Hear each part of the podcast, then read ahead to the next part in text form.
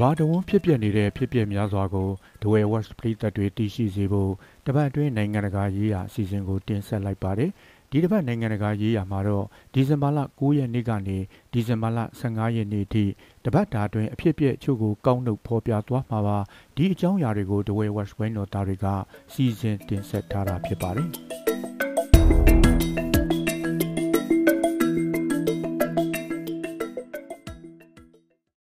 ထိုင်းနိုင်ငံကလူငယ်အမျိုးသမီးလွှတ်တော်အမတ်တဦးကဘရင်မိဖုရားတွေကိုဂုံညှိုးနွမ်းအောင်လှုပ်ဆောင်ခဲ့လို့ဆိုပြီးဥပဒေ132အရာထောင်ဒဏ်6နှစ်ချမှတ်ခံလိုက်ရပါတယ်။အသက်29နှစ်အရွယ် Ice ဟာဘရင်စနစ်ကိုဝေဖန်တဲ့ post တွေကိုလူမှုကွန်ရက်မှာတင်ခဲ့တယ်လို့ဆွဆွဲခံခဲ့ရတာပါ။သူမကတော့အပြစ်မရှိတဲ့အကြောင်းထွက်ဆိုပါတယ်။အခုတော့အယူခံဝင်နိုင်မှုနောက်တစ်ကြိမ်ကျူးလွန်မှုမလုပ်ပါဘူးဆိုတဲ့ကတ်သက်ချက်နဲ့အာမခံလျှောက်ထားရပါတယ်။ ICE ဟာ Move Forward ပါတီကိုမဝင်ခင် တင်ခဲ့တဲ့ post နှစ်ခုကြောင့်ဘရင်စနစ်ကိုစော်ကားမှုနဲ့အပြစ်ရှိတဲ့အကြောင်းဘန်ကောက်မြို့တရားရုံးတရုံးကဒီဇင်ဘာလ23ရက်နေ့ကဆုံးဖြတ်ခဲ့ပါတယ်။သူမဟာဒီလွှတ်တော်အမတ်နေရာအတွက်ဘန်ဘောမဲဆန္ဒနယ်တဲကိုစက်ဘင်းလေးတစ်စီးနဲ့သာလှည့်လည်မဲဆွဲခဲ့ပြီး နိုင်ငံရေးသမားအကြီးတွေကိုအနိုင်ရရှိထားသူဖြစ်ပါတယ်။တကယ်လို့နောက်ပိုင်းမှာထောင်ချခံရမယ်ဆိုရင်လွှတ်တော်တွေကသူ့ရဲ့အမတ်နေရာကိုလည်းဆုံးရှုံးရမှာဖြစ်ပါတယ်။လေးနှစ်တစ်ကြိမ်ကျင်းပတဲ့ကမ္ဘာဒုက္ခသည်များဖိုရမ်ကိုဒီဇင်ဘာလ23ရက်ကနေ15ရက်နေ့ထိဆွစ်ဇာလန်နိုင်ငံဂျနီဗာမှာကျင်းပခဲ့ပါတယ်။အာရမရွှေပြောင်းခံရမှုနဲ့အိုးအိမ်ဆွတ်ခွာထွက်ပြေးနေရတာတွေကိုတုံ့ပြန်နိုင်ဖို့ဒုက္ခသည်တွေကို လက်ခံထားတဲ့နိုင်ငံတွေတာဝန်မျှဝေယူကြဖို့ကုလသမဂ္ဂဒုက္ခသည်များဆိုင်ရာမဟာမင်းကြီးဖိလစ်ပိုဂရန်ဒီကတိုက်တွန်းခဲ့ပါတယ်။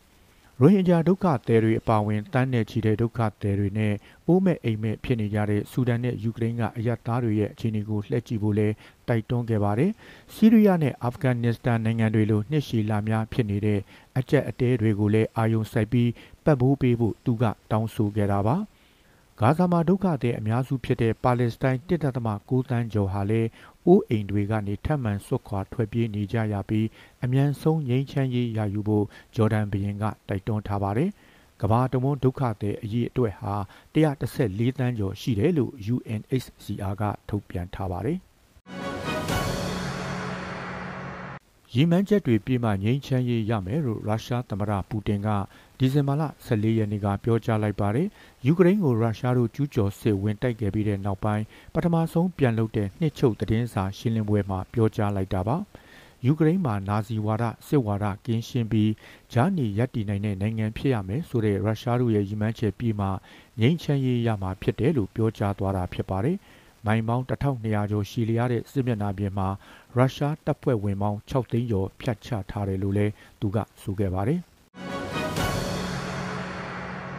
အယ်နီညိုရာသီဥတုကြောင့်မိုးခေါင်ပြီးကောက်ပဲတီးနှံအထွေနှုံးကိုချင်းချုံနေလို့လယ်သမားတွေစပားဆက်ရာမှာကူညီဖို့အင်ဒိုနီးရှားသမ္မတကစစ်တပ်ကိုအမိန့်ပေးခဲ့ပါတယ်။တချို့နယ်တွေမှာမိုးရွာတာကိုအခွင့်ကောင်းယူပြီးပြူးကျဲရာမှာကူညီဖို့သမ္မတဂျိုကိုဝီဒိုကစစ်အရာရှိတွေကိုပြောကြားခဲ့တာပါ။ အင်ဒိုနီးရှားမှာအောက်တိုဘာလကစပြီးစပားတွေပြိုးကျဲလိရှိပေမဲ့မိုးမရွာတဲ့အတွက်ဒီနှစ်မဆိုင်နိုင်ဖြစ်နေပါတယ်။နောက်ပြီးလူငယ်တွေမြို့တက်ပြီးစက်ရုံတွေမှာလုပ်နေကြလို့လဲခွင်းတွေမှာစပားဆိုင်မဲ့သူမရှိဖြစ်နေတယ်လို့လည်းအင်ဒိုနီးရှားစစ်တပ်ပြောခွေရပုဂ္ဂိုလ်ကဆိုပါတယ်။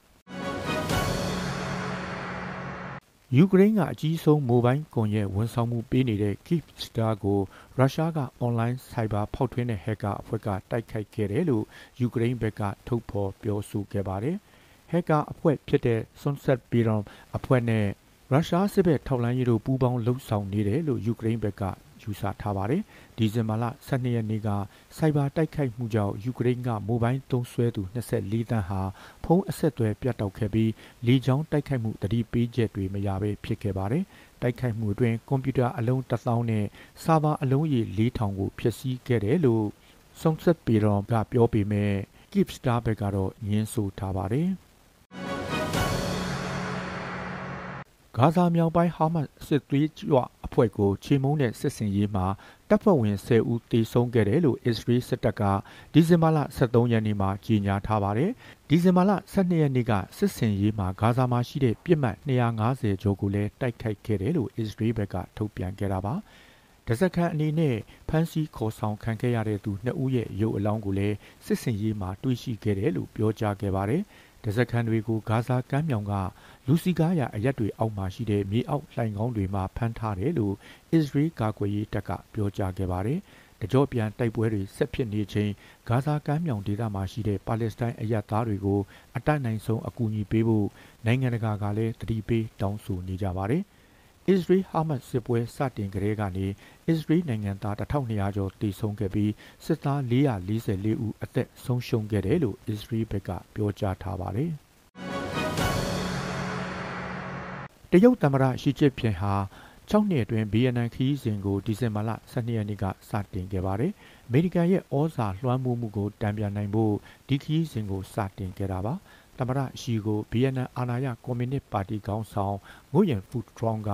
ဟန်နွိုင်းမြို့မှာရှိတဲ့သမ္မတအိမ်တော်မှာလက်ခံတွေ့ဆုံခဲ့ပါတယ်။နှစ်နိုင်ငံဆက်ဆံရေးကိုစာမျက်နှာသစ်ဖွင့်နိုင်ဖို့ဗီယက်နမ်ခေါင်းဆောင်တွေနဲ့ဆွေးနွေးနိုင်အောင်လာရောက်တာလို့ဟန်နွိုင်းလေးစိတ်ကိုရောက်ရှိစဉ်မှာပဲတရုတ်သမ္မတရှီကပြောကြားခဲ့ပါတယ်။စက်တင်ဘာလတုန်းကအမေရိကန်သမ္မတဂျိုးဘိုင်ဒန်ဗီယက်နမ်နိုင်ငံကိုလာရောက်ခဲ့ပြီးတဲ့နောက်အခုလိုတရုတ်သမ္မတရှီကျစ်ပင်ကလာရောက်တာပါ။ ဗီယက်နမ်ဟာဘမ်ဘူဒီပလိုမေစီလို့ခေါ်တဲ့တပ်တမန်ဆက်ဆံရေးကိုတရုတ်နဲ့ရောအမေရိကန်နဲ့ပါကောင်းမွန်တဲ့ဆက်ဆံရေးရဖို့ကြိုးစားနေတာဖြစ်ပါတယ်။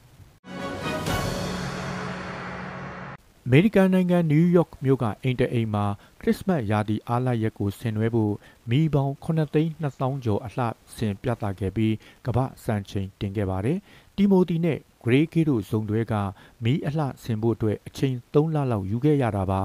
မီးအလင်းရောင်ကိုထိန်းချုပ်တဲ့ software ပါတဲ့ကွန်ပျူတာတွေကိုပါတပ်ဆင်ထားပါတယ်။နှစ်တိုင်းသူတို့ရဲ့ခရစ်စမတ်မီးအလှဆင်မှုကိုကြည့်ရှုဖို့လူပေါင်း9000ကနေတသိန်းအထိလာရောက်လည်ပတ်ကြပါတယ်လို့ဆိုပါတယ်။ လွန်ခဲ့တဲ့ဆယ်စုနှစ်တွေထဲပရဟိတအတွက်လာရောက်လက်ပတ်သူတွေထံကနေအလူငွေဒေါ်လာ6,6500စုဆောင်းမိခဲ့ပြီးတော့ဒီငွေတော်တော်များများကကလေးအဖွဲ့စည်းတွေစီရောက်တယ်လို့ဆိုထားပါတယ်။သူတို့ကအခုလိုခရစ်စမတ်မီအလှဆင်မှုကြောင့်2014ခုနှစ်ကတည်းကကမ္ဘာစံချိန်မှတ်တမ်းကင်ဆောင်ထားခဲ့တာဖြစ်ပါတယ်။ စကော့တလန်မှာနှာမချီအောင်နှာခေါင်းနဲ့ပါးစပ်ကိုအတင်းပိတ်ထားခဲ့တဲ့အမျိုးသားတစ်ယောက်ဟာလေချောင်းထဲကလေပြုံပေါက်သွားလို့စီယုံတက်ခဲ့ရပါတယ်။အသက်30အရွယ်ရှိတဲ့အမျိုးသားတဦးဟာကောင်းမောင်းနေတော့နှာချီချင်လာချိန်နှာမချီအောင်နှာခေါင်းနဲ့ပါးစပ်ကိုလက်နဲ့ပိတ်ထားခဲ့တာပါ။နောက်လေပြုံမှာ2မီလီမီတာပေါက်ပြဲသွားခဲ့လို့စကော့တလန်နိုင်ငံဒန်ဒီမြို့နိုင်ဝဲလ်စီယုံထံ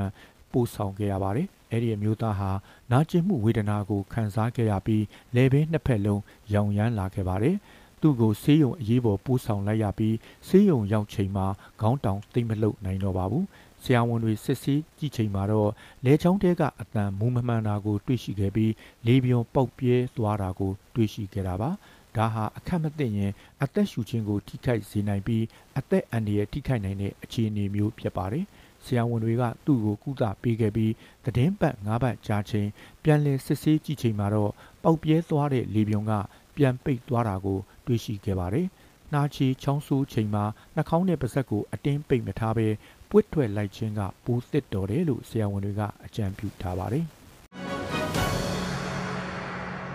ကမ္ဘာဒုတိယအသက်အကြီးဆုံးအမျိုးသမီးဟာဂျပန်နိုင်ငံကဘိုးဘွားရိပ်သာတစ်ခုမှာတည်ဆုံသွားခဲ့ပါတယ်။ ဥစာတာဆုမီလို့ခေါ်တဲ့အမျိုးသမီးကြီးကဒီဇင်ဘာလ12ရက်နေ့မှာတည်ဆုံခဲ့တာပါ။သူမတည်ဆုံချိန်မှာအသက်116နှစ်ရှိပါပြီ။သူ့ဘဝနောက်ဆုံး10နှစ်ကိုခါရှိဝါရာကဘိုးဘွားဆောက်ရှောက်ရေးဂေဟာတစ်ခုမှာဂုံဆုံးခဲ့ပါတယ်။အသက်130နှစ်အထိမိတ်ကလိမ့်ချေရတာကိုနှစ်သက်ခဲ့ပြီးဘိုးဘွားစောက်ရှောက်ရေးဝန်ထမ်းတွေကိုလည်းစကားစမီပြောရင်းပျော်ရွှင်ခဲ့ပါသေးတယ်။ သူမကို1909ခုနှစ်ဧပြီလ25ရက်နေ့မှာမွေးဖွားခဲ့ပြီးဂျပန်နိုင်ငံရဲ့အသက်ကြီးဆုံးဖြစ်တဲ့အပြင်ကမ္ဘာဒုတိယအသက်ကြီးဆုံးအမျိုးသမီးလည်းဖြစ်ပါတယ်။အသက်ရှိရှိနေနိုင်ခဲ့တဲ့သူ့ရဲ့ရှုပ်ဖွဲ့ချက်တွေထဲကတစ်ခုကတော့ရေဓာတ်ပြေဝအောင်နေလိမ့်ရှိပြီးနေတိုင်းရေတလီတာတောက်လိမ့်ရှိပါတယ်။သူ့အိပ်ယာဘေးမှာလည်းရေစာတိုင်းတောက်လို့ရအောင်ရေဘူးနဲ့ခွက်ကိုထားထားပါသေးတယ် ပရိသတ်ပေါင်းတို့စေရောကိုပါကျမ်းမာချမ်းသာကြပါစေကြောင်းနဲ့ကပ်ဘေးအမျိုးမျိုးကနေအ мян ဆုံးလွတ်မြောက်ကြပါစေကြောင်းဒဝေဝက်ဝိုင်းတော်သားတွေကစုမုံကောင်းတောင်းရပါတယ်။နောက်အပတ်မှာလည်းနိုင်ငံတကာရေးရာအစီအစဉ်ကိုစောင့်မျှော်အားပေးကြပါအောင်ခင်ဗျာ။ thank you